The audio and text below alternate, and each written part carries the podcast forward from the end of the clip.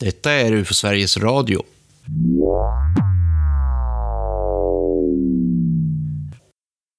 Var det ett UFO hon såg? Ett plötsligt ljussken? Ett märkligt föremål på vägen mot Pinnarp? Jag vet inte vad jag ska tro. Var det ett UFO? Frågar kvinnan som inte kan glömma händelsen.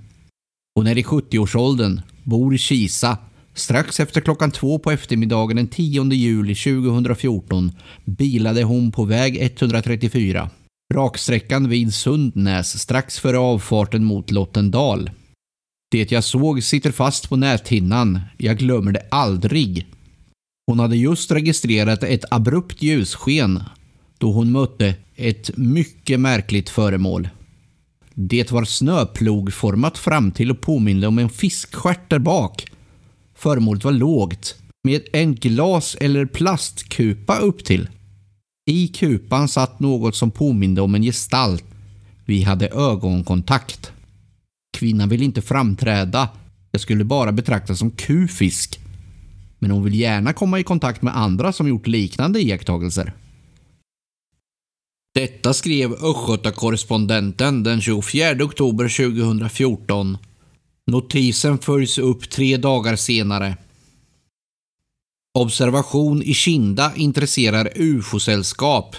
En svävande farkost, snöplogformad med fiskstjärt. Riksorganisationen UFO Sverige har aldrig hört något liknande. I fredags rapporterade korren om en kvinna i Kisa som den 10 juli i år såg ett mycket märkligt föremål vid Sundnäs vid avfarten till Lottendal. Den här beskrivningen är helt unik i sitt slag. Formen hon beskriver är något helt nytt. Jag har aldrig hört något liknande tidigare, säger Johan Gustafsson, UFO Sveriges ansvarige för rapportering. UFO Sverige är en ideell organisation och Nordens största i sitt slag. I snitt får de in cirka 200 till 300 rapporteringar per år om UFO och liknande fenomen. Hittills i år har vi fått in 146 rapporteringar på vår webbplats och ett tiotal från annat håll, berättar Johan Gustafsson. Denna händelse hade UFO Sverige inte hört talas om innan korrens rapportering. Vi är väldigt nyfikna på just detta. Har ni tips, hör av er. Vi vill gärna komma i kontakt med kvinnan i Kisa, säger Johan Gustafsson. UFO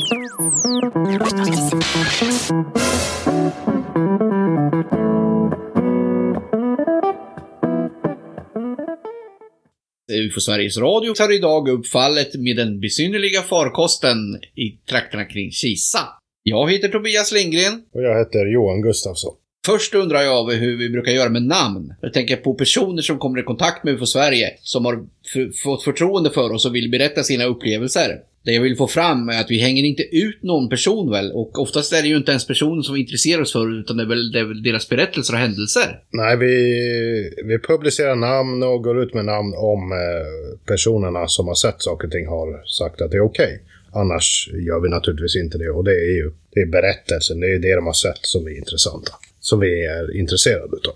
Ja, Johan, hur kom den här berättelsen till UFO Sveriges kännedom? Är jag ute och cyklar om jag antar att det kom via de här artiklarna som jag berättade om i introduktionen? Nej, det var ju de eh, som eh, publicerades i korren där. Vi intresserade oss ju då för eh, det som skrevs där och på den vägen så försökte vi då komma i kontakt med den här eh, kvinnan då, som sett det här föremålet. Hon var ju anonym då, då först eh, så tillvida att vi, vi hade inga kontaktuppgifter eller någonting till den här kvinnan. Så vi fick ju gå via journalisten då som skrev de här artiklarna i korren. Och jag tog kontakt med honom och han eh, förmedlade min eh, förfrågan, mitt önskemål om att få komma i kontakt med den här kvinnan och hon hörde därefter av sig till mig. Så hon ringde till, till oss på vår porttelefon. Och där så fick vi då den första redogörelsen som vi själva kunde dokumentera ifrån den här kvinnan om vad det var som hade hänt. Ja, för de här första notiserna var ju väldigt tunna, de som var i korren där.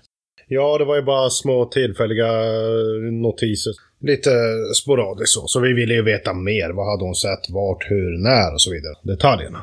Ja, för det var ju väldigt märkligt det här hon berättade. Ja, man fick ju ett väldigt märkligt intryck. Först så var ju jag lite på det oklara med hur förhållandena var, för de framgick ju inte i korren. Hade hon sett det här uppe i luften? Hade det varit på backen? Hur var det egentligen? Så det var ju mycket, många frågetecken att rätta ut där. Och du fick svar på många frågor i det här första samtalet med henne där då, eller? Ja, precis. Hon eh, berättade ju då i stora drag vad det var som hade hänt. Det var ju så då att hon var ju ute, här hade varit ute och eh, plockat bär i, i skogen. Va? I eh, området utanför, skogsområdet utanför Kisa där. Det var på eftermiddagen, klockan var eh, strax efter två, halv tre där någonstans ungefär. Det är ju sådana uppskattningar som man gör flera månader i efterhand. Men det var på eftermiddagen och skulle åka tillbaka hem. Och då sitter hon i bilen och kör upp mot ett krön där, en liten backe som går upp vid en avtagsväg där. Och då ser hon upp eh, vid den där lilla backen att det är som ett ljussken. Och det är på marken då. Så det var en av de detaljer vi fick klarhet i ganska tidigt där. Att hela det här scenariot, hela observationen utspelar sig på backen. Hon ser aldrig någonting uppe i luften. Utan hon ser första ljusskenet då på backen och hon åker vidare emot det för det är på vänster sida om vägen. Och eftersom vi har höger i Sverige så kommer hon upp jämsides med det här föremålet.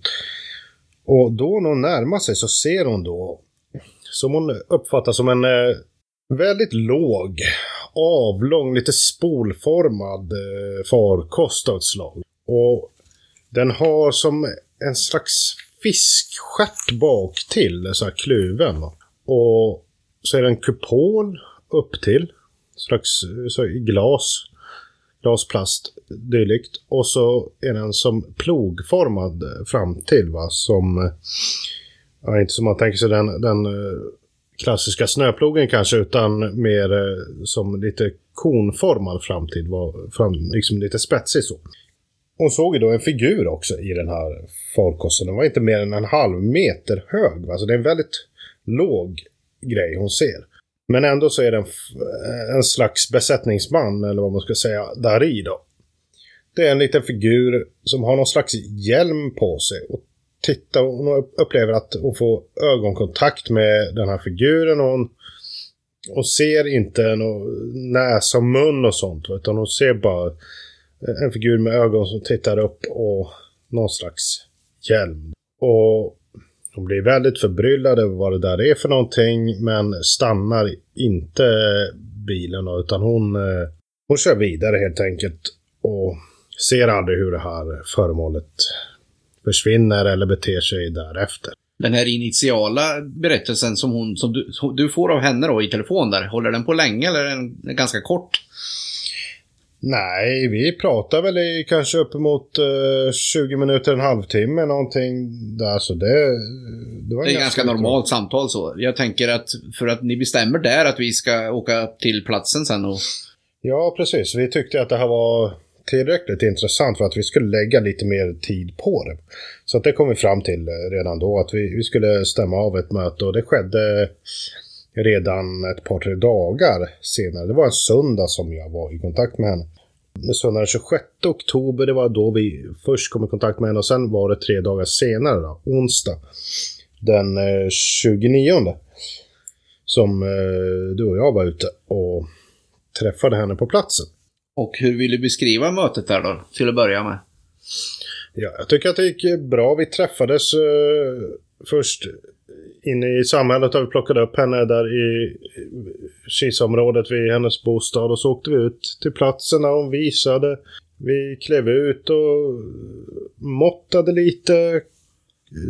Då fylldes mycket... den här informationsmängden på så du fick en klarare bild av vad som hade hänt och så? Ja, alltså det är ju alltid så att man får en betydligt mer autentisk bild av ett händelseförlopp ifall man är på platsen och intervjuar personen där det inträffade.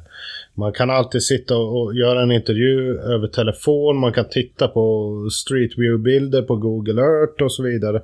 Det är mycket sånt man kan göra idag, men det är aldrig detsamma som att stå där bredvid, pekar och visar och berättar på plats. Du måste ju också ha märkt då att hon, när vi var på platsen, att hon kom ihåg mera detaljer på grund av att vi var på platsen än, än vad du fick i telefon där. Ja, så är det ju. Man kan ju alltid... Eh, illustrera och beskriva mycket bättre när man är på platsen. Det är lättare för observatören eh, att jämföra liksom med referensföremål i omgivningen. Där var den, så gjorde den. Sen flyttade den sig dit. Och jag såg den här först, jag såg den sist där och ja. Det, det säger sig självt lite grann. Ja, men jag, jag, tycker vi fick en ganska god uppfattning av händelseförloppet när, när vi slutligen åkte därifrån. Men hon tyckte alltså att det var lite obehagligt. Även när, när vi tog upp berättelsen en andra gång där.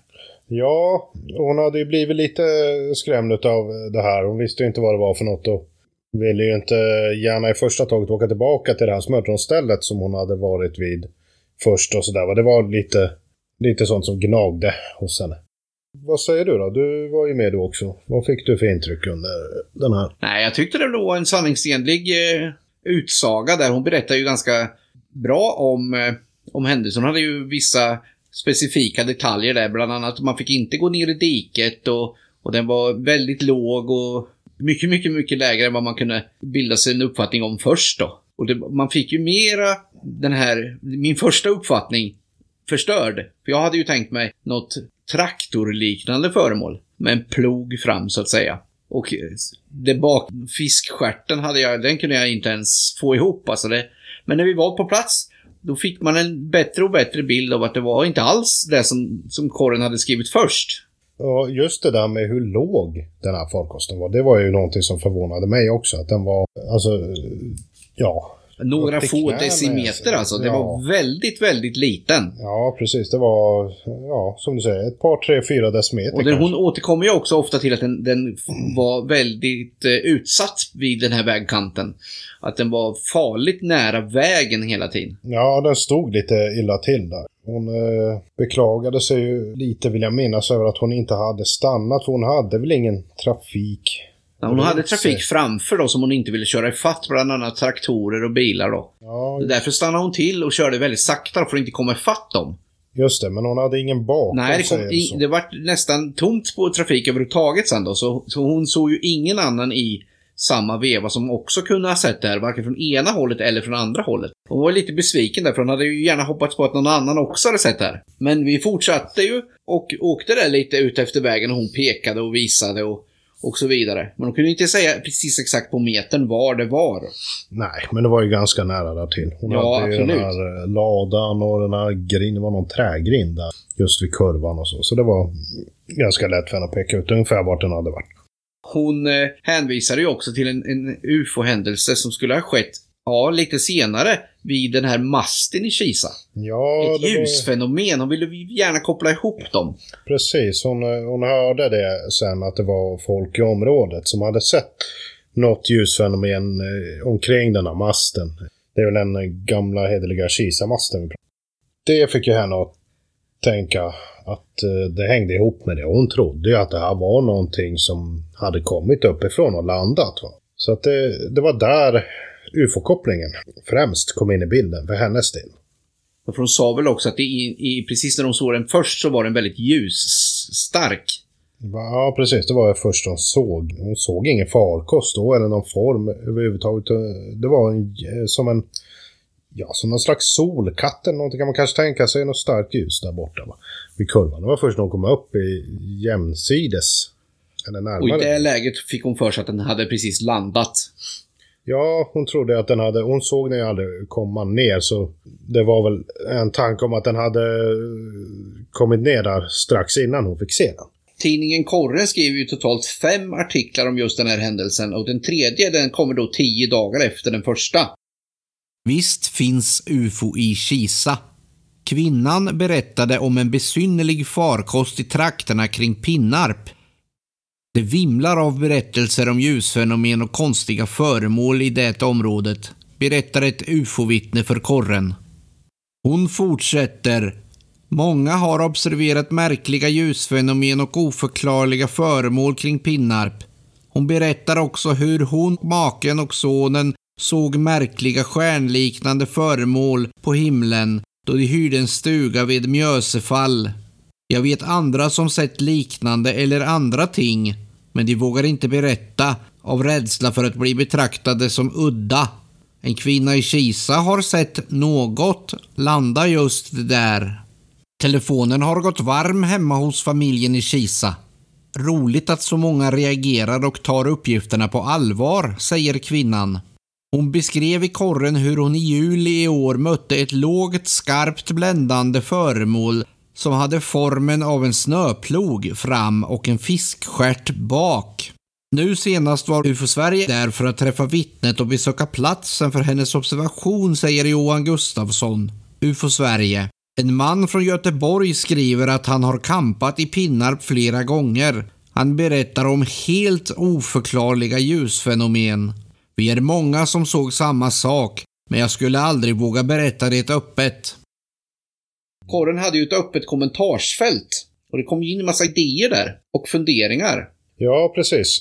Jag var i kontakt med, med journalisten där efter vårt platsbesök och då kom den här artikeln. Då var det folk som föreslog att det här skulle varit någon form av eh, bil av något slag, någon cykelbil, någon mopedbil. Det var sådana där grejer som folk diskuterade och talade om. Den ja, hon berättade ju det när vi var inne och, och, efter, efter platsbesöket att vi var inne och fika där och, ja. och fick dra storyn igen fram och tillbaka och hela den biten.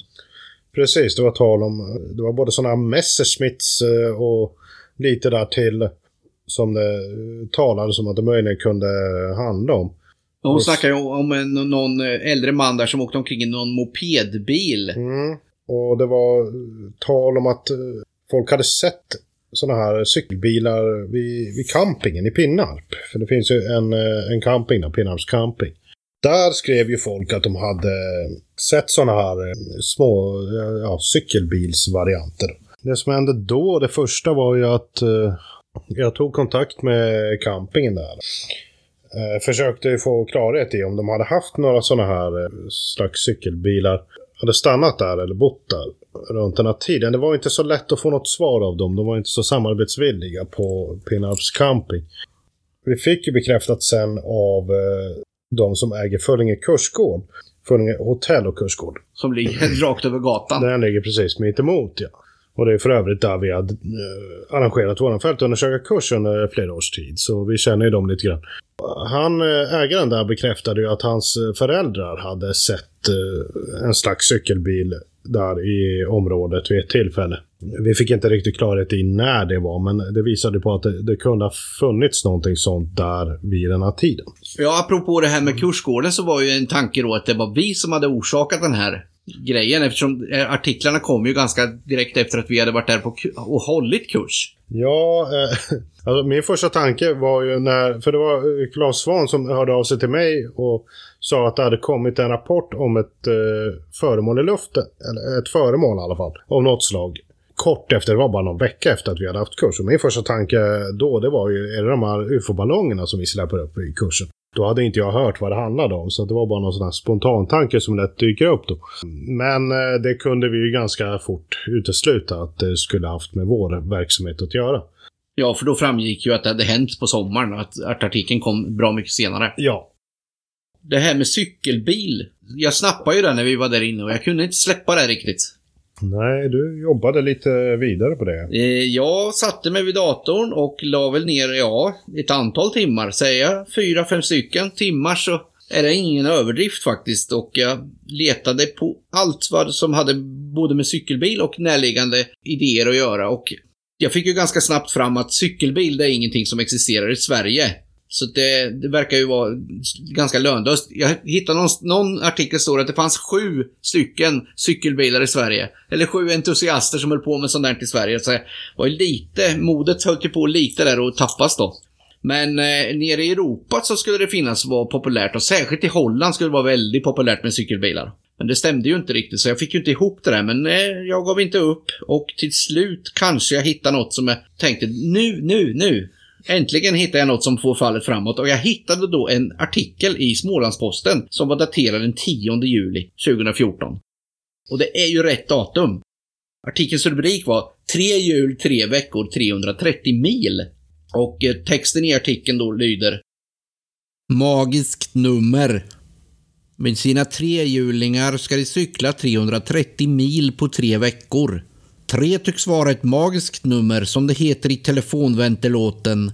Även för de 18 europeiska velomobilfantaster som igår pustade ut på Evedal.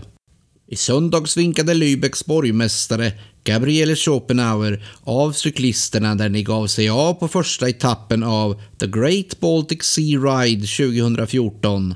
Igår anlände de till Växjö. För att förbereda sig inför den 330 mil långa rundan runt Östersjön testade Lars Tison att cykla från Köpenhamn till Älmhult. 20 mil om dagen under tre dagar. Jag gillar att cykla i Sverige. Naturen är väldigt vacker. Vägarna är bra och bilisterna är väldigt hänsynsfulla. The Great Baltic Sea Ride innebär att de cyklar i genomsnitt 15 mil om dagen. Idag torsdag trampade gruppen vidare mot Linköping. The Great Baltic Sea Ride går därefter vidare till Stockholm, över till Finland och söderut genom Estland, Lettland, Litauen, Polen för att sedan vara tillbaka i Tyskland och startpunkten igen den 26 juli. Ja, den här artikeln då, som jag blev så exalterad av, jag skickade ju över den till dig. Vad hände, vad hände med den sen då? Uh, jag vart ju också lite nyfiken på den, får jag ju säga. Det finns ju en, uh, en kul vägbeskrivning i den där artikeln som visar uh, hur den här rutten ska ha gått. Nu är den inte så detaljerad med ortsnamn så att man ser just Kisa, men man ser ju att den går farligt nära Kisa. Va? Det är precis i de krokarna. Nej, men vi började ju kolla vad det där var för någonting då. då. Gick in på den här sidan eh, för det här loppet, Great Baltic Sea Ride. Kontrollerade, det fanns eh, bilder och det fanns detaljbeskrivningar och annat där.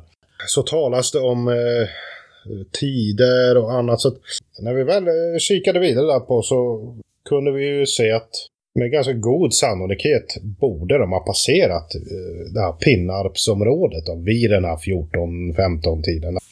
Vi ville ju ha lite mer specifikt på fötterna än så om det var möjligt. Va? Vi försökte kontakta de här som hade arrangerat det här loppet, de här tyskarna. Va? För att verkligen kontrollera om de har cyklat den här vägen som vi misstänkte. Ja, precis. Hade de cyklat där? Var det bara... De såg bara en folk och så. De här var ju ett helt gäng och sånt man undrar över varför. Varför var det så då och sådär. Men eh, Claes Svahn, som ju hjälpte till eh, att jobba med det här fallet, han eh, tog ju kontakt med den här killen som jag just håller ett litet mejlutdrag ifrån. Han hette Josef Janning. Han kontaktade honom och ställde frågor om det här loppet och vart de hade befunnit sig och så vidare.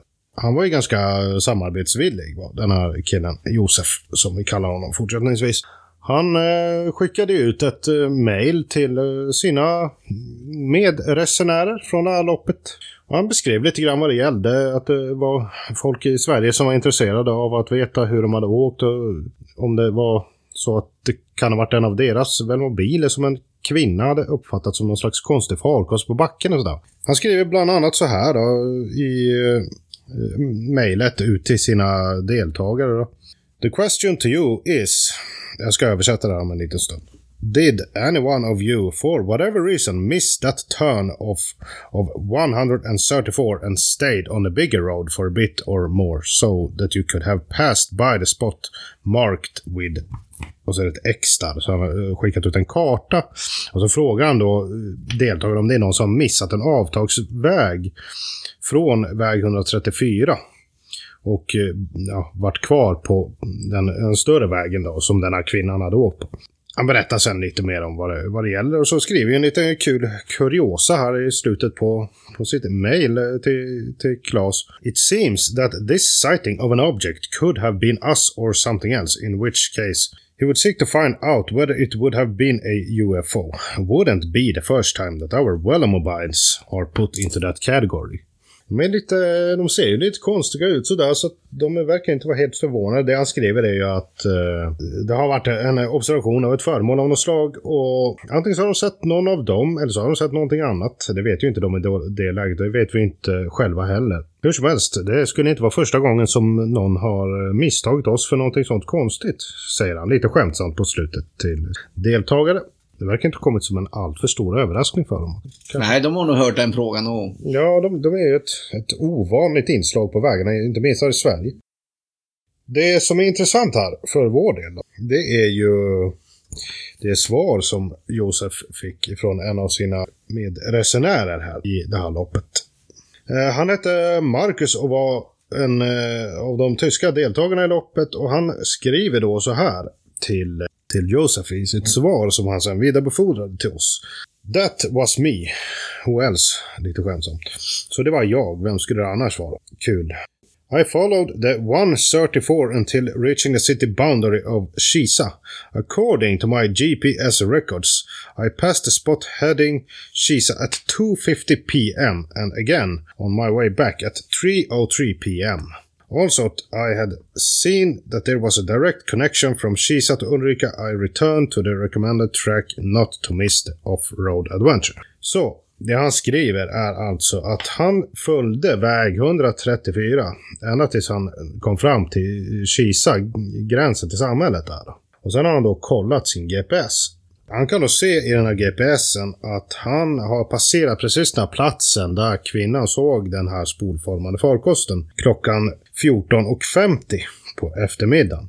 Och sen vänder han då om där när han kommit längre fram mot Kisa där och så åker han tillbaka och så passerar han den platsen igen klockan 15.03. Och sen så återupptar han korrekt rutt och kör efter de andra i, i loppet. Det är en rejäl felkörning alltså? Ja, han kör ju fel en bra bit i alla fall. Det, och han var inte den enda heller. Även eh, den här killen som vi hade mejlkontakt med, Josef då. Han hade också missat samma avtag, men han hade kommit på det väldigt fort. Att han missade, så han vände ganska snabbt innan han kom ner till den här platsen där den här observationen ägde rum. Men det, det visar ju på att det var tydligen inte så värst svårt att missa den här avtagsvägen om ändå två personer gjorde det. Så vi vet ju samtidigt inte. Det kan ju funnits fler i loppet som också missade den, men som aldrig eh, svarade på det där mejlet eller som inte brydde sig om det. Eller så. Men eh, vi har i alla fall en bekräftad velmobil som passerade den här platsen inte långt eh, efter att eh, den här observationen ska ha ägt rum. Den uppskattades ju alltså ha ägt rum ungefär 14.30, 14.20, där någonstans. Och den uppskattningen gjordes alltså ungefär eh, 4-5 månader i oktober i efterhand. Och observationen ägde rum i juli. Så det, det vet vi ju av flera orsaker att eh, då, då är det inte så konstigt om det blir fel på en kvart, 20 minuter, en halvtimme, timme till och med. Eller kanske mer än så. Och sen passerar han då den här platsen 14.50. Så det skiljer ungefär en halvtimme, 20 minuter mellan den här uppskattade tiden för observationen och tills han då passerar. Så det tyckte vi väl vi var en ganska så obetydlig detalj med tanke på tidsmässigt är det ju väldigt bra samstämmigt. Det är väldigt Men det blir ju god. ännu mer intressant när vi får se bilden på hans velomobil. Det var ytterligare en pusselbit, ja. Den är ju... Ja, den är vit, den är utdragen. Eh, den är täckt med ett eh, sånt här glasöverdrag, vad säger man? Någon slags liten sån här kupa, kupol. Ja, ett litet vindruta kan man ja, säga, som exakt. en liten cockpit. Som en liten cockpit, ja. Och den är ju i, i glas till stor del. Och fram till, ja, att säga att den är spolformad det är ju inte eh, fel på något vis om du frågar mig. Den är liksom avsmalnad fram till och lite spetsig. Och eh, ser inte alls olik ut det som... Som hon beskriver med den här fiskskärten och plogen fram till. Precis. Så förstår man när man ser bilden. Och inte minst det här hjulet som hon beskriver vid sidan om. Precis. Ett jättestort hjul. Det är ett tydligt hjul, ja. precis ett sånt han har. Hjulet är ju svart, så det är ju omöjligt att missa det mot den här velomobilsidan då. Ja, hjulet är väldigt framträdande. Det tar ju upp en så här 80% av höjden på själva velomobilen på den där sektionen. Så det... Nej, precis. Det missar man inte. En stjärtfena är svår att se, men det, det, är lätt att kunna förstå hur den där liksom, upplevelsen har fördelat sig. Det... För hennes observation var ju väldigt kort. Den var väldigt kort, ja. Och hon ser ju stjärtfenan via backspegeln, så att eh, det är inte svårt att förstå hur hon har konstruerat sin bild. Nej, det är det verkligen inte. Den här idén om velomobilen som vi hittar här nu då, den hamnar ju i korren igen. Är det du som hör av dig till dem då eller? Ja, vi hade ju fått en liten dialog då i just det här ärendet. Jag och den här eh, journalisten. Så det var väl inte mer än rätt att vi återkopplade med honom och meddelade vad vi hade kommit fram till. Så jag skickade ju över då det här materialet och lite bilder och, och sånt där som vi hade hittat över den här rutten och Great Baltic Sea Ride och eh, de här beskeden som vi hade fått ifrån deltagarna. Hur reagerar han då på det då? Ja, han tyckte väl att det var intressant och valde att eh, göra en, en publicering utav det också. Pub publicerade då liksom vår, vårt arbete, vår slutsats, vad vi ansåg att det var som hade hänt helt enkelt. Det är nu den fjärde artikeln kommer då i korren. Ufot utanför Kisa var en cykelbil. Kvinnan mötte en velomobil mellan Pinnarp och Kisa den 10 juli. Det hävdar UFO Sverige. En av deltagarna i The Great Baltic Sea Ride körde fel, säger Johan Gustafsson. Teorierna har varit många sedan korren skrev om kvinnans möte med ett mystiskt och märkligt fordon på väg 134 utanför Kisa. UFO Sverige engagerade sig och efter en tids intensivt detektivarbete nådde föreningen fram till gåtans lösning. En av åkarna tog miste och körde mot Kisa istället för att ta av mot den utpekade vägen mot Ulrika, säger Johan Gustafsson, UFO Sverige. UFO Sverige följde upp uppgiften att tyska cykelbilsåkare hållit till i Pinnarp. De bodde inte där men passerade Pinnarp på eftermiddagen den 10 juli. Velomobilen är låg, 78 cm och påminner om det fordon som vittnet observerade. Kvinnan känner sig inte helt nöjd med den här artikeln som kommer där. Var hon, läste hon den direkt i tidningen eller pratade du med henne innan? Ja, jo, vi hade kontakt innan eh, jag och hon. Jag hade ju tagit upp den här eh, idén. Pratat om att vi, vi tror att det kanske kan vara en sån här eh, velomobil. Sen så tog jag det vidare till, till Karin och, det vart den här artikeln. Men nej, hon vart inte helt eh, nöjd va, för att hon trodde ju inte själv på den förklaringen. Utan hon menar ju att det var inte en sån hon, eh, som hon hade sett. Och, ja, hon tyckte väl att eh, vi, vi hade gått eh, lite emot henne. Va? Så att eh, det var inte riktigt så som, eh, som hon själv hade tänkt sig det hela. Det, men hon förstod vår, det, slutsatsen som vi lagt fram där. Hon förstod att vi ansåg att det hon såg var en sån här velomobil. Och jag pratade ju mycket med henne där under det här samtalet om hur vi hade kommit fram till det här. Jag sa ju att vi hade kollat med de här. Och vi pratade lite grann om att det händer ju att folk tar fel på saker och ting. Och i det här fallet så är det inte så himla avvikande uppfattning hon har fått ifrån föremål mot hur det såg ut. Så jag försökte väl eh, övertyga henne så gott jag kunde om att det var inte så konstigt att hon hade uppfattat den här på, på det där viset. Hon tyckte att eh, förklaringen hade kommit ut i, i tidningen lite för fort. Hon får ju sista ordet i korren för det kommer ju ytterligare en artikel. UFO Sverige har fel. Kvinnan avvisar UFO Sveriges teori. Jag vet vad jag såg. Det var inte en velomobil. UFO-Sverige lanserade teorin utan att konfrontera observatören med den cykelbil som föreningen pekar ut som förklaringen till UFO-mysteriet. Kvinnan fick se bilden på den aktuella velomobilen i fredags. Jag reagerade omedelbart. Velomobilen är inte ens kusin med det som mötte mig på vägen. Det fordon jag mötte var betydligt lägre, som en liten svävare och kupolen där någon satt hade formen av en guldfiskskål. Hon menar att UFO Sverige begår ett misstag när de basunerar ut att gåtan är löst. Jag förstår inte varför de har så bråttom. Jag är inte eller har aldrig varit ufo-entusiast, men bilden av vad jag såg i juli sitter kvar på min näthinna. Men tyvärr blir det ju lite missvisande i den här sista kommentaren som, som kvinnan gör där. Vad har du att säga om det? jag tycker inte att uh, gjorde någonting direkt fel. Så visst, eh, med facit i hand så kan jag väl hålla med. Blir hon missnöjd så klart att då, då, då hade det varit bättre om vi hade haft en lite mer långtgående dialog med, med kvinnan. Men eh, jag tycker ändå att vi hade väldigt gott underlag för den slutsats som vi drog. Så att det var inte på något vis en förhastad slutsats.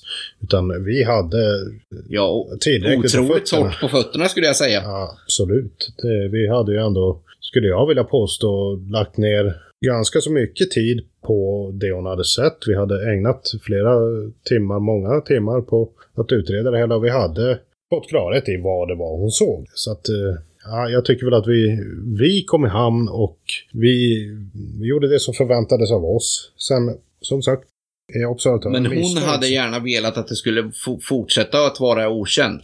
Ja, hon hade i alla fall inte velat att vi skulle gå ut med den förklaringen på det viset. Ja, hon trodde inte på det. Hon fick ju se på bilder sen. Hon tyckte inte att Velomobilen överensstämde med det hon hade sett.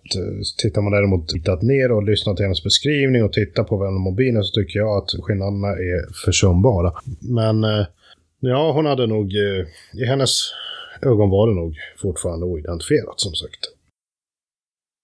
Artiklarna vi refererar till i det här avsnittet har vi anpassat lite för att göra dem lite bättre i poddform.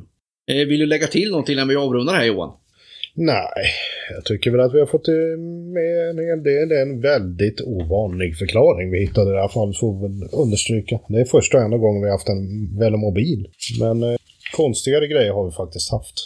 Vi ska låta sig... Men det är en väldigt intressant och rolig eh, rapport ska jag säga, att få jobba med den här. Ja, Den har ju varit otroligt eh, underhållande. Det var eh, en av de roligare rapporterna som vi... Det är ju verkligen... Eh, man får ju verkligen en liten kick av när man hittar sådana här grejer, när vi kan lösa sådana här fall. Det måste jag ju säga. Jo, du satt ju i många timmar där och då, då är det ju tacksamt när det till slut ger utdelning. Ja, när ett mysterium verkligen rätar ut sig. Man vill... Detektivarbetet ger, ger eh, resultat. Ja, Det är det vi vill komma fram till. så är det. Då påminner vi lyssnarna om att UFO Sveriges Radio finns på sociala medier. Information om UFO och UFO Sverige hittar ni på webbplatsen ufo.se. UFO Sveriges Radio görs av Riksorganisationen UFO Sverige. Vi tackar för att ni lyssnar och hoppas att ni gillar det vi gör. Ni får gärna berätta om podden så att fler hittar den. Då säger vi väl tack för den här gången. Det tycker jag. Adjö! Tack och adjö.